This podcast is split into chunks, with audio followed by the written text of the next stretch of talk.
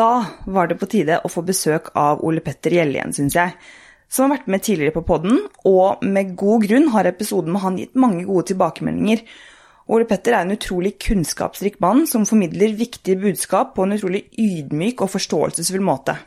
Jeg ønsker derfor å invitere han igjen, generelt for å snakke mer sammen om våre felles mål og hvilke planer i forhold til tiltak vi kan gjennomføre fremover, i tillegg til at jeg naturlig nok introduserte han til en aldri så liten crossfit-økt, hvilket jeg for øvrig er veldig spent på å høre en bedømmelse av. Og når vi først var i gang, kunne vi jo like så godt spille inn en episode når Ole Petter bokstavelig talt var varm i trøya for å snakke litt mer om styrketrening. Ole Petter er jo selv en kondis-fan, og han selv kan jo føle på at styrke ikke alltid er like lett å motivere seg til. Og du må ikke like alt når det kommer til trening. Derimot er viktigheten av spesielt styrketrening et tema i denne episoden, og hvor mye eller hvor lite som skal til for å høste de mange godene av det. Og hva er egentlig disse godene? Hvor avgjørende er styrketrening kontra kondisjonstrening sånn rent helsemessig? Og er det noen gang for sent å starte? Jeg gleder meg i hvert fall til å få med noen flere nyttige råd som jeg vet kommer, og mer verdifull informasjon av denne fornuftige mannen. Velkommen til Fysisk for psykisk.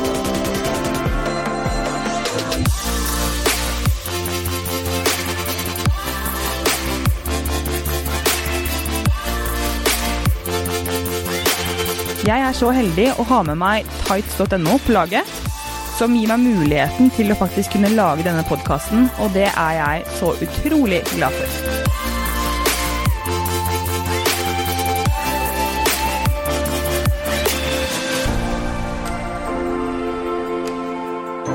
Ok, Ole Petter.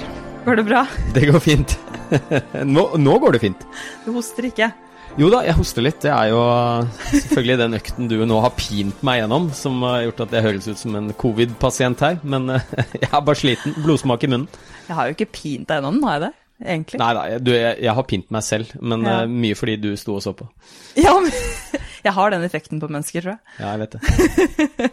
Nei, men det er utrolig gøy. Det er så kult å ha deg med igjen. Altså, Vi har jo fått så mange bra tilbakemeldinger fra siste pod-episode med deg, hvor det kommer utrolig mye nyttig informasjon, både fordi du er jo så kunnskapsrik og har så mye kompetanse, men også fordi du er en så bra person å snakke med da, og formidler så på så fin måte. Keep it coming. Ja, ja, ja. Tusen takk, det var veldig hyggelig. Ja, men det er sant. Uh, og du er jo her i dag fordi at uh, Hva først og fremst? Fordi at du skulle trene, eller? ja, jeg skulle prøve meg på en crossfit-økt, for det har jeg jo ikke Ja, det tror jeg aldri har gjort noensinne. Nei. Det var kjempegøy. Ja. Og litt uh, ubehagelig. Litt sånn utenfor komfortsonen. Ja, fordi du er jo egentlig en altså, kondisjonsfyr. Ja, jeg er vel en sånn milsluker, egentlig. Jeg har drevet med aktiv idrett med kondisjon, mm. løping, maraton, ultraløping. Ja. Og er veldig motivert for å trene. Ja. Kondisjon, mm. det har jeg ingen problemer med å komme meg ut på å få gjort. Men akkurat styrke, det vet jeg jo at jeg burde gjøre mer av. Men der blir dørstokkmila fryktelig lang for meg, altså. Selv om jeg har treningsrom i underetasjen i huset mitt, ja. så blir det litt langt å gå ned fra stua. Da Ja. finner jeg på alt mulig annet eh, jeg burde ha gjort. Skrubbe badekar og sånne helt uvesentlige ting. Ja, for det er veldig gøy, for nå går vi jo umiddelbart inn på disse uh, typeforskjellene egentlig i forhold til trening. At vi har jo egentlig sånn, jeg vet ikke om det er fra altså genetisk eller hva det er for noe, men det at jeg f.eks. er da veldig glad i styrketrening og har vært litt mer motsatt. At jeg føler at jeg må pine meg gjennom kondisjonsøkter. Men jeg har jo lært meg å like det mer og mer. Men jeg føler at det er mer naturlig for meg å trene styrke, og har alltid likt det kjempegodt. Mens du er jo stikk motsatt. Ja, og det, det, det er egentlig et veldig interessant spørsmål, da, dette med glede og motivasjon for forskjellige typer trening. Jeg har jo mange pasienter som, hvor jeg prøver å snakke om viktigheten og gevinsten ved å være i fysisk aktivitet. Mm. Og så virker det litt sånn tvilende, og så hender det at jeg sier sånn Ja, men bare tenk på forrige gang du var ute og ble litt sliten og Husker du ikke hvor deilig det var? Ja. Så er det en del som sier nei, jeg syns ikke det var deilig i det hele tatt. Jeg syns bare det var slitsomt. Mm. Og jeg opplever jo virkelig en sånn reell rusfølelse. Sånn nå når vi er ferdig med en knall, for meg iallfall en knallhard økt, Mm. så er det en sånn følelse jeg tenker fy fader, det blir jo ikke bedre enn dette her. Nei. Men den følelsen er det ikke alle som opplever når de trener. Og det er jo Hjernen vår er jo Altså, vi påvirkes eh, til å ta gode valg gjennom eh, altså det vi kaller en sånn selvforsterkende effekt. Da, Du gjør noe som er bra for deg, f.eks. trener, og så får du en kjemisk belønning i hjernen, f.eks. med dopamin. Og det er jo et sterkt signal til hjernen din om at vet du hva, det du gjorde nå, det er kjempebra for deg, du føler deg digg. Og det gjør jo at du gjør det oftere. Mm. Men den belønningen er veldig forskjellig hos folk. Mm. og noe av det er nok genetisk. Mm. At man har faktisk gjennomlyst hjernen til forskjellige personer som har gjennomført en treningsøkt, ganske standard, standardisert, mm. og så kan man måle mengden dopamin f.eks. som skilles ut. Og da ser vi at det er kjempestore forskjeller. Ja. Og, og, det tror vi er genetisk, altså hvor følsomt belønningssenteret ditt er for dopamin. Ja. Eh, og hvor mye dopamin du skiller ut. Så det kan jo forklare hvorfor noen lettere å overvinne dørstokkmila enn andre. Fordi de føler seg så bra når de har trent. Ja. Mens andre ikke får det samme. Og så er det jo også veldig avhengig av hva slags type trening du gjør. Og der er jo kanskje du og jeg et godt eksempel, men litt mm. sånn motsatt da. Jeg har ingen problemer med å motivere meg for en lang sykkeltur eller en løpetur. Men å gå ned og gjøre noen styrkeøvelser i underetasjen, som har tatt mye kortere tid for meg, ja. det syns jeg er tøft. Ja. Og, men det, det handler nok kanskje ikke så mye om belønningen. For jeg merker jo når jeg først får gjort en treningsøkt, så er det akkurat like digg mm. som en kondisjonsøkt. Men det handler nok noe om mestring, da.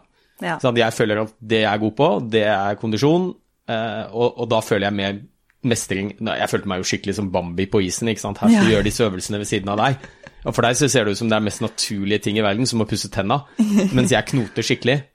Så, um, ja. Du knota ikke så mye, da. Du men, var flink. Men, så, så, det er litt av poenget mitt at uh, ja, det er, det er noen genetiske forskjeller ja. som, uh, som, gjør at noen får en større belønning når de trener enn andre. Og da er det selvfølgelig lettere å motivere seg selv for ja. å få trent, og så er det veldig avhengig av hva du Noen liker en ting, noen liker en annen ting. Mm. Um, men det handler jo også kanskje litt om å da for det første være litt var og forsiktig med uh, å um, pushe en viss treningsform på noen, fordi at det kan jo være veldig forskjellig ut ifra hva som motiverer deg, og hva som klarer å få deg til å opprettholde trening. Eh, og det er veldig ulikt på individnivå, som jeg forstår. At det handler om å finne, ikke være så streng med seg selv på at man må gjøre ting, spesielt ikke den perioden her, den koronaperioden som vi har vært i. At eh, vi heller finner noe som vi føler at vi liker å gjøre. Ja, ja og, det, og det tenker jeg alfa og omega, og det er det jo litt fint med all den, mye av forskningen som er gjort, da. Både på styrketrening og fysisk, eller kondisjonstrening, da. Mm. Så, så, spiller det egentlig veldig liten rolle Altså hvis du har eh, helse som mål da, for treningen din, fysisk helse, mental helse, så spiller det veldig liten rolle hva du gjør, mm. så lenge du får opp pulsen, blir litt sliten. Så det, det er derfor jeg sier at hater du å løpe, så ikke løp, da, gjør noe annet. Altså ja. Du kan sykle, svømme, danse, klatre, altså selv ting som ikke tenkes på som trening. Gå til butikken, sykle til jobben. Du må finne noe som gir deg noe indre glede, for å si det mm. sånn. Ellers så klarer du ikke å holde fast ved det veldig lenge. Nei. Det er jo altså, Jeg har jo aldri vært noen løpeperson. altså Jeg har aldri vært glad i å løpe. Og jeg blir jo superhappy når du sier til meg at jeg løper fint i dag. Ikke sant? Da tenker jeg fy fader, det er jo noe jeg har gjort eh, riktig i livet. Nei da. Eh, men jeg tenker jo at eh, med en gang så tenker jeg jo at Um, det er jo ikke det som har uh, fått meg til å bli fan av trening. Det må jeg jo si helt ærlig. At løping har jo bare uh, Jeg har blitt mer og mer fan av det, for jeg har blitt mer og mer glad i følelsen etterpå. For man føler seg jo Eller jeg i hvert fall føler meg mye bedre. Men jeg er jo Når vi kommer inn på dette nå, så er jo Vil jeg jo snakke med deg litt rundt dette med styrke. Fordi at det er jo Helsegevinsten av generelt fysisk aktivitet er jo det vi ønsker, vi to ønsker å, å få frem så mye som mulig. Å få frem det budskapet til befolkningen. Men eh, det er jo ikke sant? Vi kan jo si at vi, vi må velge vi velger forskjellige ting ut ifra gener og alt dette her, men det er jo også visse goder som kommer med styrketrening som også er ganske viktige. Eh, og jeg tenker jo at det er fint å gå inn på det, fordi at jeg spilte nylig en episode med broren min, og så skulle jeg tenke at jeg, ok, jeg må snakke litt mer rundt eh, disse godene, da. Disse eh, gevinstene vi faktisk får av styrketrening. Eh, hva, hva, tenker vi sånn eh, overfl overfladisk, da, hvis vi skal si noen punkter som er veldig viktige? Ja, du, eh, et spørsmål jeg tenkte jeg bare skulle si det aller først. Et spørsmål jeg veldig ofte får, det er jo ok, hva er viktigst? Kondisjonstrening eller styrketrening. Ja. Og, og, nå snakker jeg primært ut fra et helseperspektiv, da. Ja. Fysisk og mental helse. Og da mm, tror nok veldig mange at ja, liksom, det er kondisjonstrening som er viktigst. Og det har vært forsket klart mest på det. Så vi vet veldig mye mer om hvorfor kondisjonstrening, altså hvor du får pulsen til et visst nivå. Hvorfor det er så bra for hjertet, hvorfor det er så bra for hjernen. altså Vi kjenner altså, helt ned til molekylære mekanismer, hvilke kjemiske stoffer som skiller ut nøyaktig hva som skjer. Der vet vi ikke like mye om styrketrening. Men eh, jeg tror vi har blitt mer og mer klar over at eh, styrketrening er like viktig, og kanskje i mange tilfeller vel så viktig som kondisjonstrening for helsa. Jeg skal si litt mer om det. og Vi vet i dag at uh, hvis du gjør store sånne befolkningsstudier, og så ser du på titusenvis av mennesker som trener styrke f.eks., og så sammenligner du det med en lignende gruppe som ikke gjør det, og så ser du hvor hyppig de får sykdommer, hvor tidlig de dør, så ser vi at det er en haug med helsegevinster ved å drive regelmessig styrketrening. Eh, alt fra du lever lenger, rett og slett. Mm. Forlenget levetid. Ja. Eh, lavere hyppighet av hjerte-karsykdom, mentale lidelser, overvekt, kreft. Så det ser ut som det er mange av de samme helsegevinstene du får ved styrketrening som du gjør ved kondisjonstrening. uten at vi helt vet nøyaktig mekanismene hvorfor det er sånn. Så det er sånne såkalte observasjonsstudier. Ja. Og jeg pleier å si det at hvis målet ditt er helse og hverdagsfunksjon, så er kanskje styrketrening enda viktigere. Eller iallfall hverdagsfunksjon. Mm. Enda viktigere enn kondisjonstrening. Eh, og, og, det er jo fordi at veldig mange av de tingene vi gjør til daglig, og som vi tar for gitt ikke sant, Kunne gå fra butikken med handlepose, kunne gå en tur på fjellet, eh, hjelpe barna med å flytte en sofa når de skal inn i hybelen sin, eller trekke opp båten på høsten Altså ting vi gjør hver eneste dag, eller iallfall gjør regelmessig, da, det krever mye muskelstyrke. Mm. Og det innser vi ikke før vi har tapt den muskelstyrken. Nei. Uh, og vi taper ganske mye muskelstyrke naturlig uh, gjennom aldringsprosessen, spesielt fra vi er 40 år og, og, og utover. Så da pleier jeg å si at iallfall hvis du er voksen, så er noe av det aller beste du kan gjøre for hverdagsfunksjonen din, livskvalitet, klare å få til de tingene som du liker å gjøre i hverdagen, ja. det er å trene styrke regelmessig. Ja. Jeg tror um, Det er jo det jeg også prøver å si til um, kundene som jeg har hatt opp gjennom alle årene. Det er jo det med at vi prøver å trene for livet, være, være rustet bedre for livet, rett og slett. At vi, vi ønsker jo, tar ofte opp den, den med, med, handleposene, og det skulle kunne bære de. Altså, vi har jo lyst til å kunne gjøre disse hverdagslige tingene eh, uten at det skal være så energikrevende som det er for veldig, veldig mange. Det gjør jo livet veldig mye vanskeligere å leve på så mange områder.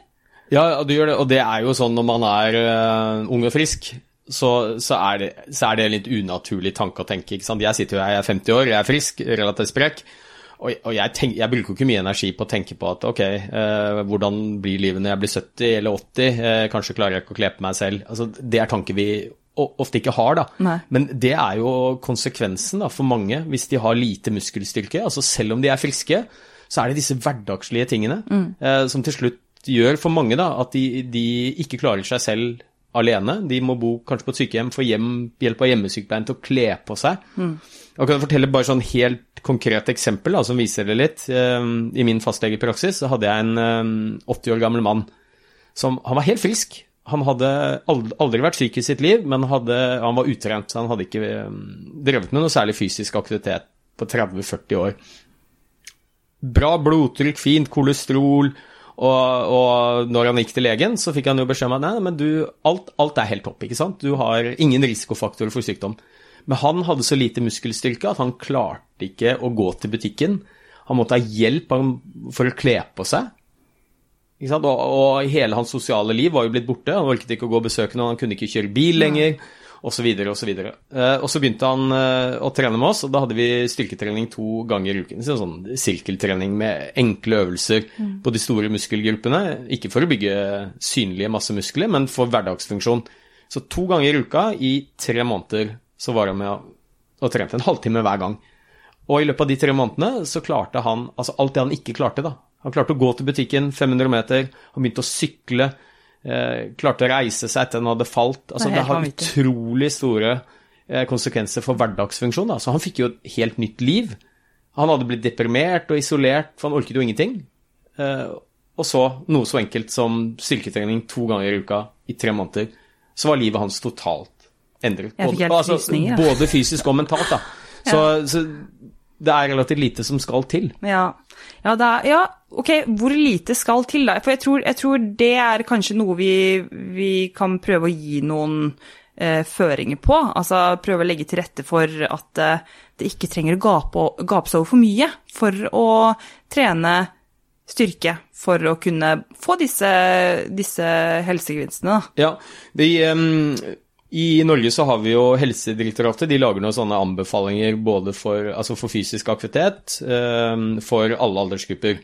Alt fra barn til unge voksne til voksne og til gamle. Uh, og da vet jo nesten alle, eller iallfall veldig mange, sikkert de som hører på, at uh, man anbefaler 150 minutter med fysisk aktivitet så man blir sliten, altså kondisjonsbasert. da, 150 minutter i uka. Og jeg sitter i et sånn ekspertpanel uh, som er med på å lage nye retningslinjer ca. hvert femte år. Og nå, kom det nå, eller kommer nå hvert øyeblikk nye oppdatert. Og der er det tatt inn mer fokus på styrketrening. Ja. Uh, og da anbefaler man to, kanskje tre økter i løpet av en uke. Uh, Ca. 30 minutter, 15-30 minutter hver. Mm. Um, og da er det fokus på de store muskelgruppene i overkroppen, eh, kjernemuskulatur, og, og, og, mage, og store muskelgruppene i beina. F.eks. enkel sirkeltrening uh, uten noe vektbelastning nødvendigvis annet enn kroppen. Det er på en måte det man anser som optimalt, da. Mm. Uh, men jeg pleier å si at absolutt alle monner drar. Men uh, jeg tror den veldig sånn godt kompromiss mellom innsats og, og, gevinst kan være hvis du får til et par økter i uka for folk flest, altså. Ja. 15-30 minutter eh, to ganger i uka, hvor du kjører da de store muskelgruppene. Eh, Uten vekt, med vekt? Ja, altså Du må gjerne bruke litt vekt. Det kommer helt an på hvilket utgangspunkt du har. da. Ja. Og så er det jo en del øvelser du kan gjøre forskjellig. ikke sant? Pushups vet du, de kan du gjøre med knærne nedi eller tærne nedi, og du kan gjøre altså en haug med forskjellige øvelser. Ja. Um, Det er, det er, det er for florerer av det på internett nå, hvis man har lyst til å ha inspirasjon til eh, egen uh, kroppsvektvariasjoner uh, Ja. av økter. Og jeg var med i en sånn kampanje som heter Hverdagsstyrke, som er noe som heter Aktivitetsalliansen, som jobber for mer fysisk aktivitet blant befolkningen. Og der lagde vi noen veldig enkle instruksjonsvideoer, så du kan google hverdagsstyrke f.eks., og så får du opp eh, øvelser som du kan se, som, som du kan gjøre. Og forskjellige varianter av dem, litt avhengig av hvilket ut, utgangspunkt du har, da. Ja. Så, men hvis du klarer et par økter i uka, 15-30 minutter, de store muskelgruppene eh, må ikke nødvendigvis ha noe belastning. Og så gjør du 8-10 repetisjoner av hver eh, Kanskje har du fire- fire forskjellige- fire-fem forskjellige øvelser, og så gjør du 8-10 repetisjoner uh, av Med hver. litt knebøy og litt utfall og Ja, litt pushups. Helt og- riktig. Ja. Planken. Altså enkle greier, da. For de som ikke har trent mye styrke. ja. så merker man utrolig kjapp framgang. Og da, da har du gjort noe for hverdagsfunksjonen din, og så har du, ser vi at altså, det reduserer risikoen for disse viktige sykdommene som kondisjonstrening reduserer risikoen for også. ja. Eh, Det er bra for forbrenning, det er bra for vektregulering. Vi vet f.eks. at får du litt mer muskelstyrke og litt mer muskelmasse, endrer kroppssammensetningen din, så øker hvileforbrenningen. Det er jo utrolig mye fokus på det å gå ned i vekt. Og da pleier jeg veldig ofte å snakke om men glem vekten, altså gjør de gode tingene i eh, hverdagen, så blir helsa di bedre. Altså jeg har litt, er litt opptatt av at vi prøver å dreie fokuset vekk fra vekt, men over på helse. For det er jo det veldig mange er opptatt av. De er redde for at den ekstra vekten de har, ikke sant? Den, eh, den er en risiko for helse. Mm. og da pleier jeg å si at med mindre du havner i disse kategoriene med fedme og sykelig fedme, men har noen kilo for mye, så er det en ganske liten helserisiko for deg. Mm.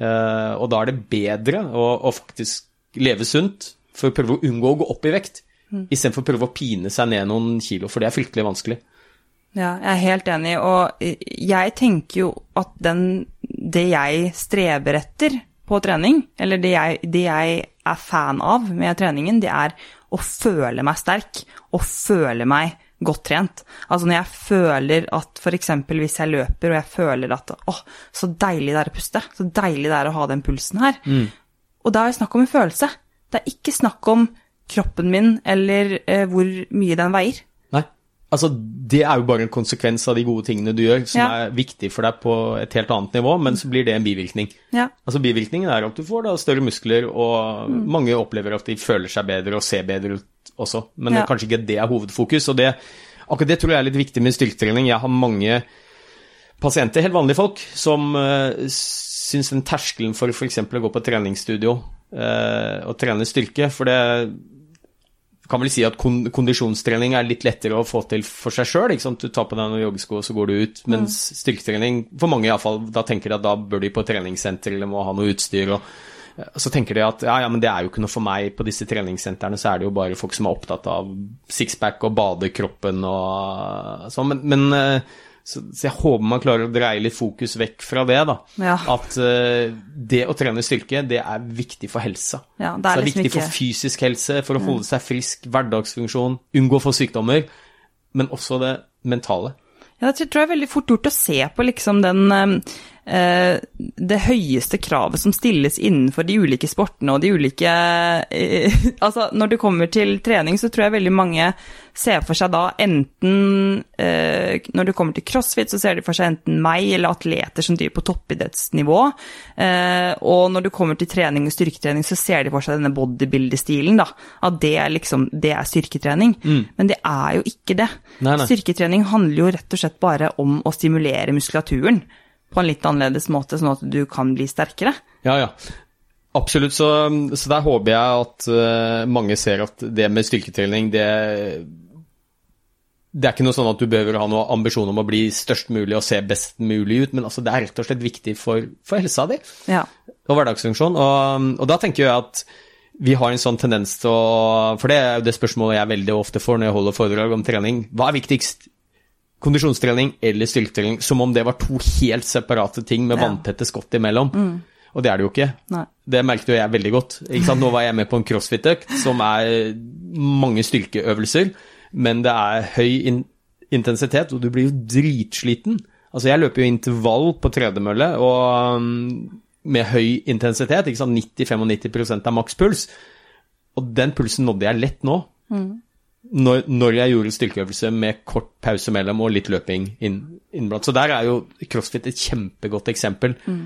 på noe som jeg tror de aller fleste syns er gøy, og hvor du både får styrken og kondisjonen i ett. Mm. Det er den variasjonen, da, ikke sant? At du får, eh, du får på en måte hele pakka, i, i, og du, det pakker det inn i en, eh, i en relativt eh, enkel forpakning, da, vil jeg jo si. Og på et kort tidsrom. Ja, ja, og, og, for det er jo sånn at mange mister litt motet når de spør liksom, men hvordan bør jeg trene? Ok, både styrke og kondisjon. Da er det så og så mange kondisjonsøkter i uka, så må du legge på noen styrkeøkter i tillegg. Så er det en del som mister motet, for det blir så mye. Og da er det jo helt nydelig å ha en type aktivitet hvor du inkorporerer begge deler samtidig. Ja.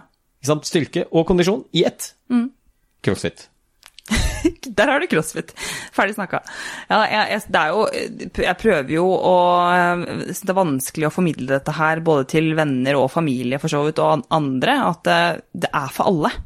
Men nå kommer jo du da som ikke en utenforstående, altså du har jo kanskje litt Eh, litt, peiling på hva du skulle begi deg ut på. Ja, jeg hadde det. Eh, du vet jo hva det går ut på, så i tillegg så er jo du en som er liksom Du er jo godt trent. Altså du har jo Jeg så jo du slang deg rundt i ringene litt og sånn, så du er jo Du har jo grunnstyrke, og du er godt trent.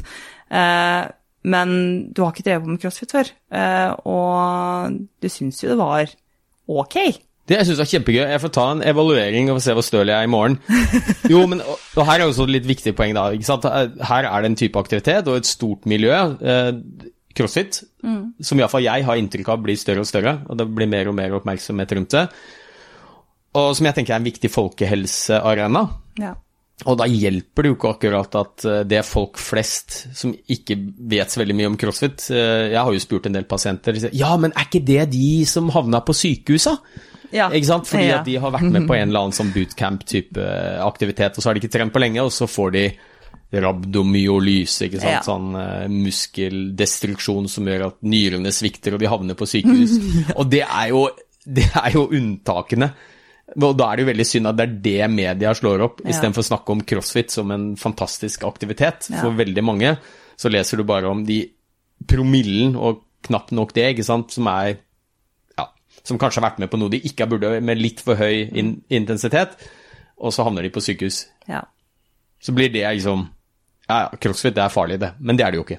Nei, det, er, det er mye farligere å ikke trene. Nei, det er jo som sagt, det er så trist at det er det som skal Det er jo faktisk nesten de eneste nyhetene. Nå har vi hatt en dame som er på verdenstoppen, Kristin Holte, i crossfit, og gjort det dritbra. Jeg føler at man ser jo ikke så veldig mye av det heller i nyhetene. Men Ingenting. Altså, jeg, jeg tror du skal være ganske spesielt interessert Ja. nordmann for å ha hørt om henne. Ja, ja. Jeg har hørt om henne, men.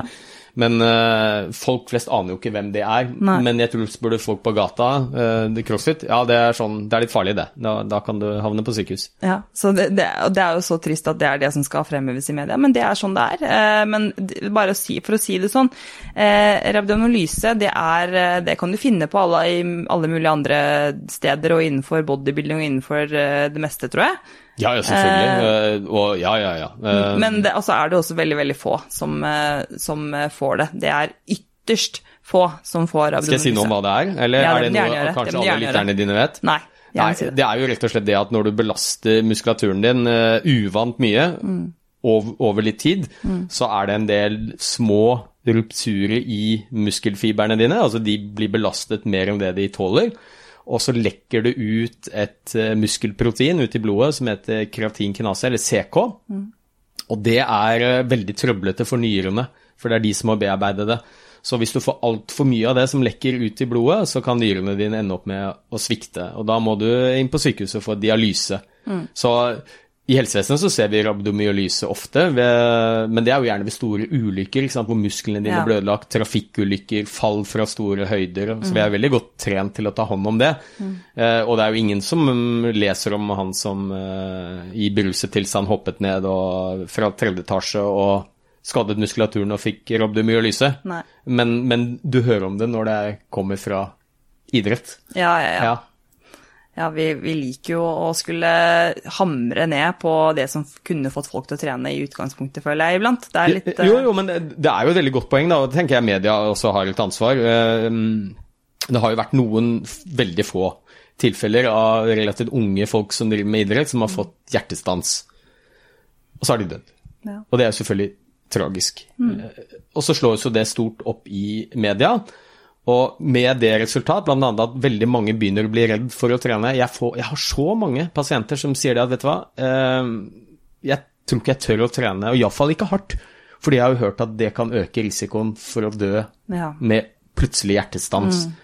Og så vet vi jo veldig godt, vi har jo materiale opp nede og mente som forteller oss at vet du hva, den statistiske sannsynligheten for det, den er utrolig lav. Eh, det som er farlig, det er å ikke trene. Ja. Altså det er ikke farlig å trene. Og det er, det er jo akkurat det samme som med bilkjøring. Det jo, men der har vi en helt annen holdning. Det er jo ingen som slutter å kjøre bil fordi de leser om en dødsulykke. Nei.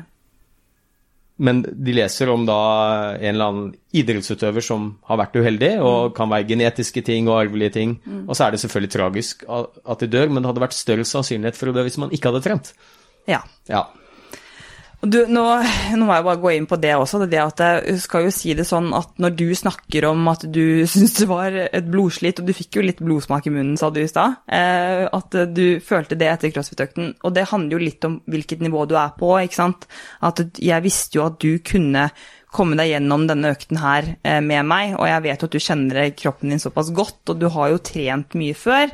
Eh, så du må jo legge ikke sant? Alt skal jo legges ut fra hvilket nivå du er på, hvis du bare har nok selvinnsikt. Ja, og, du, og, jeg skal bare, og det var ikke ment for klage. Altså, jeg liker blodslitt, Ja, ja, ja. så jeg gjorde jo dette frivillig. Jeg kunne jo gjort den økten på en helt annen måte.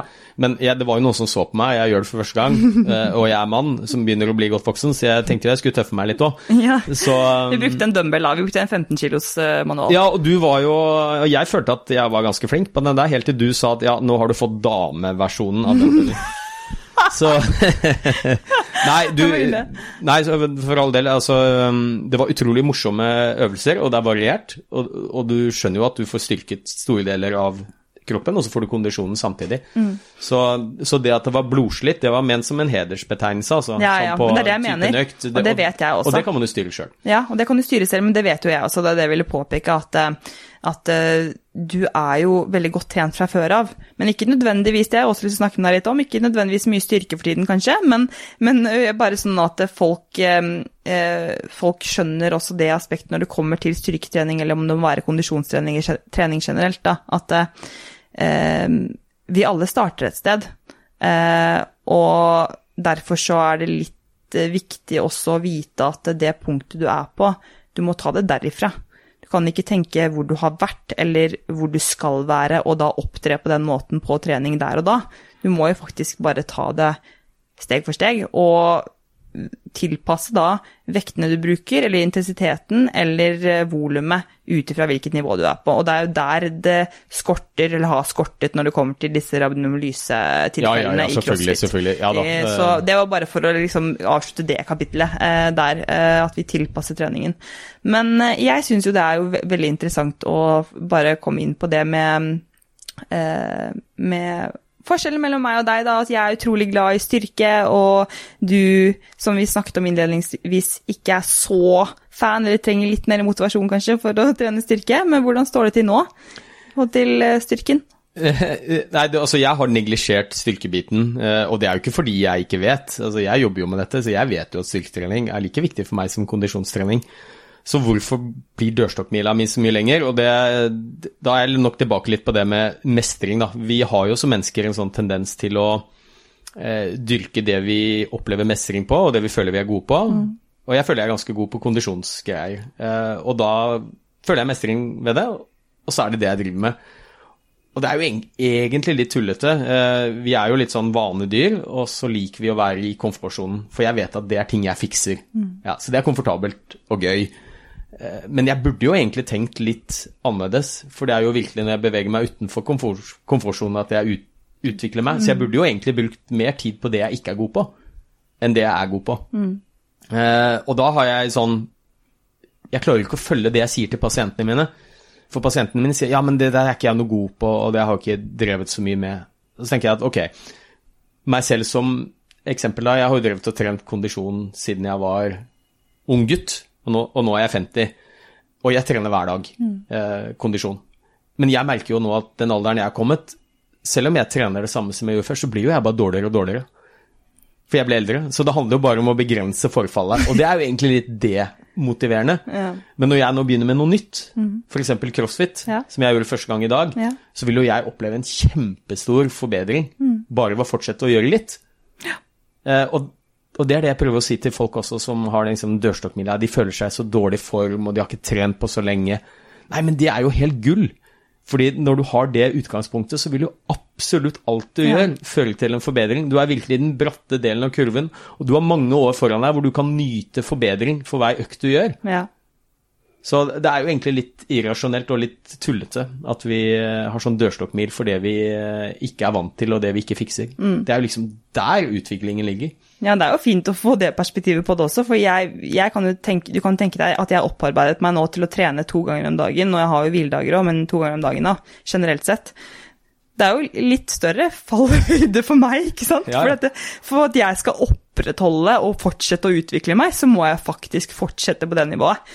Eh, og så for meg så må jeg bare akseptere at eh, hvis jeg ikke fortsetter i den samme stilen, så kommer det til å falle litt. Eh, mest sannsynlig på et eller annet plan, om det er kondisjonsmessig eller styrkemessig eller hva det måtte være innenfor crossfiten, men det går helt fint for meg, da. Fordi at jeg vil jo trene mest for helsa mi sin del. Eh, så derfor så går det helt fint. Men jeg syns jo det er veldig, veldig fint å kunne snakke rundt eh, rundt nettopp dette med dørstokkmila. At uh, den har jo jeg også. Jeg har også den dørstokkmila, men jeg, fordi at jeg har lagt disse vanene så godt til rette, og det er mm. rutine for meg, rett og slett. Ja, ja. At jeg nesten må holde meg selv litt tilbake. Ja. Og så tenker jeg at Hvis målet ditt er prestasjon, hvis du skal bli en god crossfit-utøver, mm. så er det åpenbart at det er det du må trene på. Mm. Jeg hadde lyst til å bli en god maratonløper, og da, da, da, er det jo maraton jeg skal løpe. Jeg blir ikke noen god maratonløper av å bare trene crossfit. Nei. Men for den store gemene hob, for kanskje ikke prestasjon er målet, men helse, eh, så tror jeg det er lurt å kanskje prøve litt forskjellige ting. Ja. Eh, for det er jo litt av poenget av mitt, at jeg kan trene kondisjon fortsatt eh, og ha glede av det, men jeg opplever jo bare at jeg er ikke på det nivået jeg var. Mm. Det blir egentlig bare dårligere og dårligere selv om jeg trener ganske mye. Og da mentalt så tror jeg det gir bedre, eller større glede, da. Mm. Kanskje prøve noe nytt som du ikke er så god på. Ja. For da kan du oppleve forbedring i mange, mange år ja, ja, fremover. Så det er litt sånn tips jeg gir til mine pasienter, da. Prøv noe nytt. Det er utrolig stimulerende for hjernen også. Forebygger demens, blant annet. Det å drive med noe annet enn det du vanligvis gjør. For vi er jo sånn 60-70% av alt det vi gjør i hverdagen, det er vaner.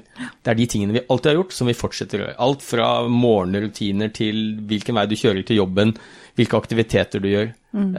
Så jeg pleier å spørre pasientene mine, som er godt voksne, da, når var sist gang du gjorde noe for første gang? Og da blir de aller fleste sånn Det kan jeg nesten ikke huske. Og det er jo litt eh, interessant, da, for som barn så gjør vi jo noe nytt hver eneste dag. Sant? Vi prøver nye ting, og det er sånn vi utvikler oss, både kroppslig og mentalt. Så, um, så det er noe jeg prøver å få gehør for da, hos pasientene. Prøv noe nytt, gjør noe litt annerledes. Ja. Det er utrolig utviklende. Bra for hjernen, bra for kroppen. Ja.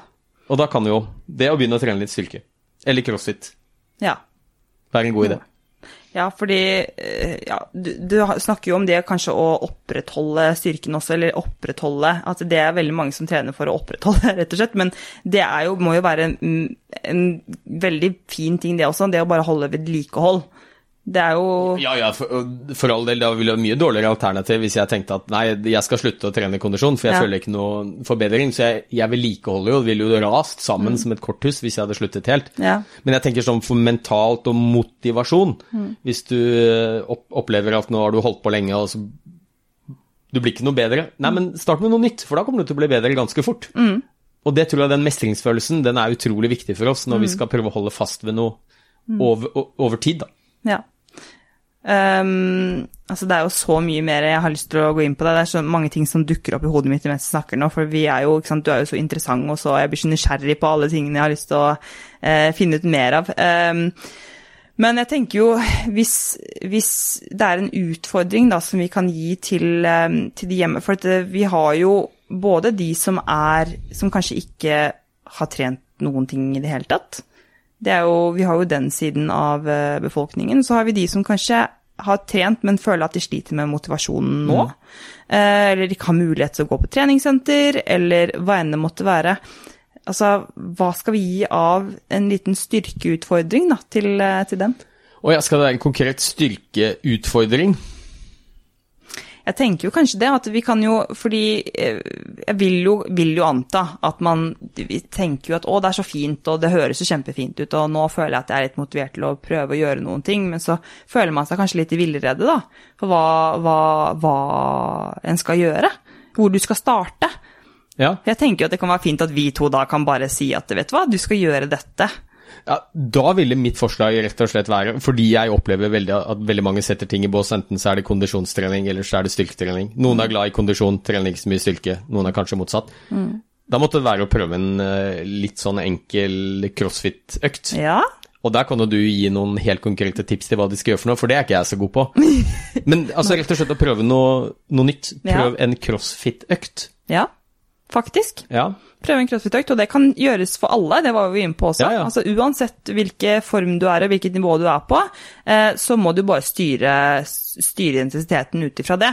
Eh, eller antall repetisjoner. Men jeg tenker jo hvis vi, hvis vi kjører, legger det på det nivået at vi kjører fem runder, hvor du kan kjøre mm, tre burpees, seks pushups og ni air squats. Sant? Ja, Nå er jo dette begreper som jeg skjønner meg på også. Ja. Fantastisk. Ja, nå skjønner du det, for nå har, du, Ja. nå har vi gått gjennom. Så jeg tenker at det, ikke sant, hvis vi gjør fem runder av det, da, eller tre til fem runder av dette, eh, og sette av en tid du skal gjøre det, kan garantere at det ikke skal ta mer enn 20 minutter av tiden din, og jeg tenker at det er noe vi kan sette av.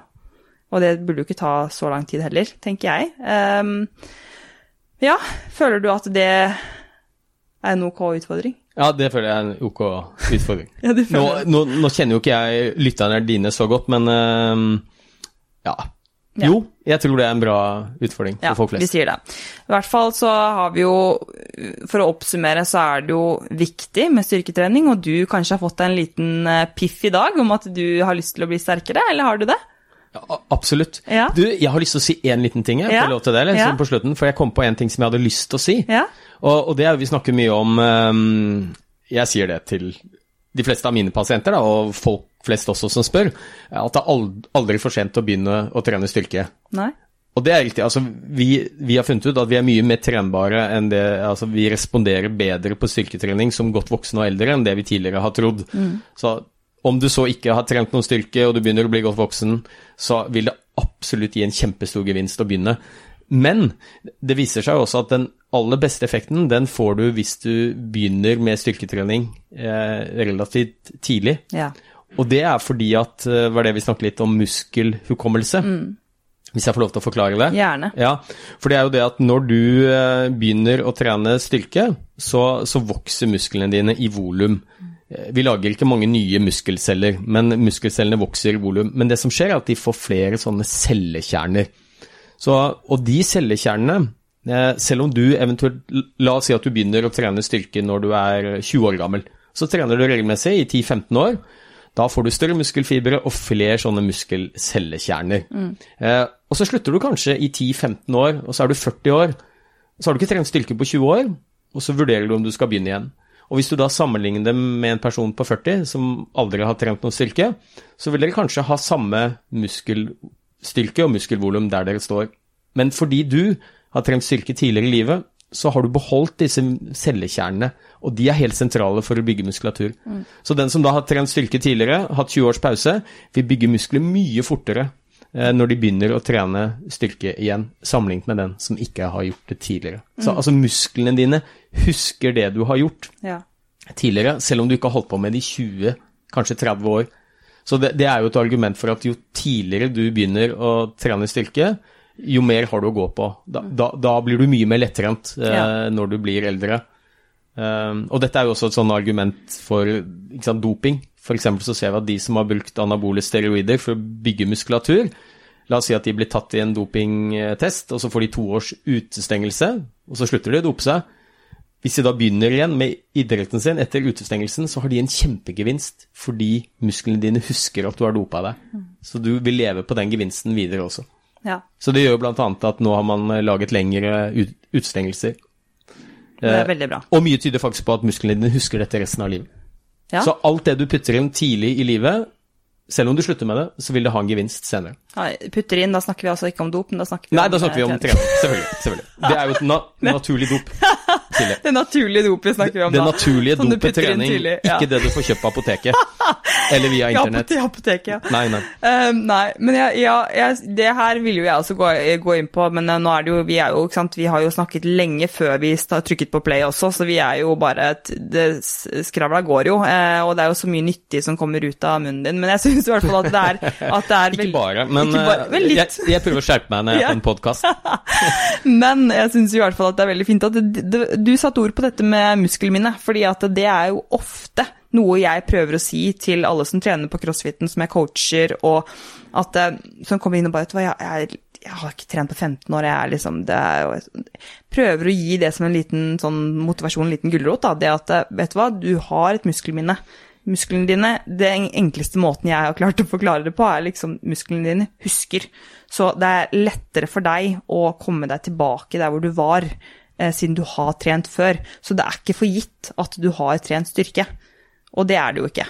Nei, da, og, og, her tenker jeg det, det, er litt større implikasjoner øh, ved det også. Det handler jo f.eks. om barn. ikke sant? Viktigheten av å være i regelmessig fysisk aktivitet. For du får jo en del styrke uten å trene nødvendigvis styrketrening. Altså Ja. All bevegelse er jo egentlig styrketrening. Ja, ja. Og om du Reises løper og og spiller fotball eller er bare fysisk aktivitet. Så det er jo et godt argument også for at det er viktig øh, for barn og unge å være i regelmessig aktivitet, selv om man ikke kaller det styrketrening eh, gjennom skolen f.eks., for, eksempel, for det gir eh, formidable helsegevinster når du blir eldre. Ja. Selv om du eventuelt lever og jobber stillesittende. og- Ja. Så alt det som puttes inn tidlig, det gir deg en stor gevinst senere. Ja, så avslutningsvis altså, tenker jeg at vi egentlig kan si det også, at vi kan ta med, hvis du har barn, ta med barna på denne utfordringen hvor dere skal trene. Fordi at, eh, hva var det du sa, det er 45% mindre aktivitet blant unge nå Ja, enn det var. man har sett det, er en eh, ganske stor studie som kom ut nå nylig. Eh, Ikke overraskende så ser man at spesielt barn og unge, barneskolebarn, ungdomsskolebarn, videregående, de beveger seg betydelig mindre nå under pandemien enn Ja. det de har gjort tidligere. Og det er vel snakk om en sånn 30-40% redusert aktivitetsnivå, i hvert fall sammenlignet med hva det var før pandemien. Og det var også lavt. Ja. Så altså, det er jo noe jeg er litt bekymret for, da. At uh, alle disse restriksjonene som vi av åpenbare og gode grunner har, de, de har en bakside, da. Eh, og det handler bl.a. om at eh, livet blir veldig mye mer stillesittende når det er hjemmeskole, når det er hjemmekontor, eh, når det er sosiale restriksjoner, hvem du kan treffe. Mm. og det tror jeg kanskje ikke eh, myndighetene har tatt tilstrekkelig høyde for, Nei. tror jeg. Det er jeg helt enig i, og dette her skal vi jo vi prøve å eh, jobbe for så mye som mulig i tiden fremover.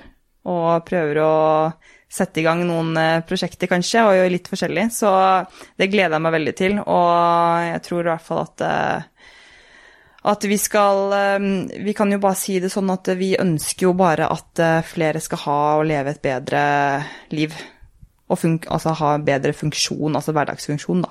Som du har nevnt nå flere ganger i forhold til styrke Ja. og trening. Der er styrketrening viktig. Supert. Tusen takk, Ole Petter.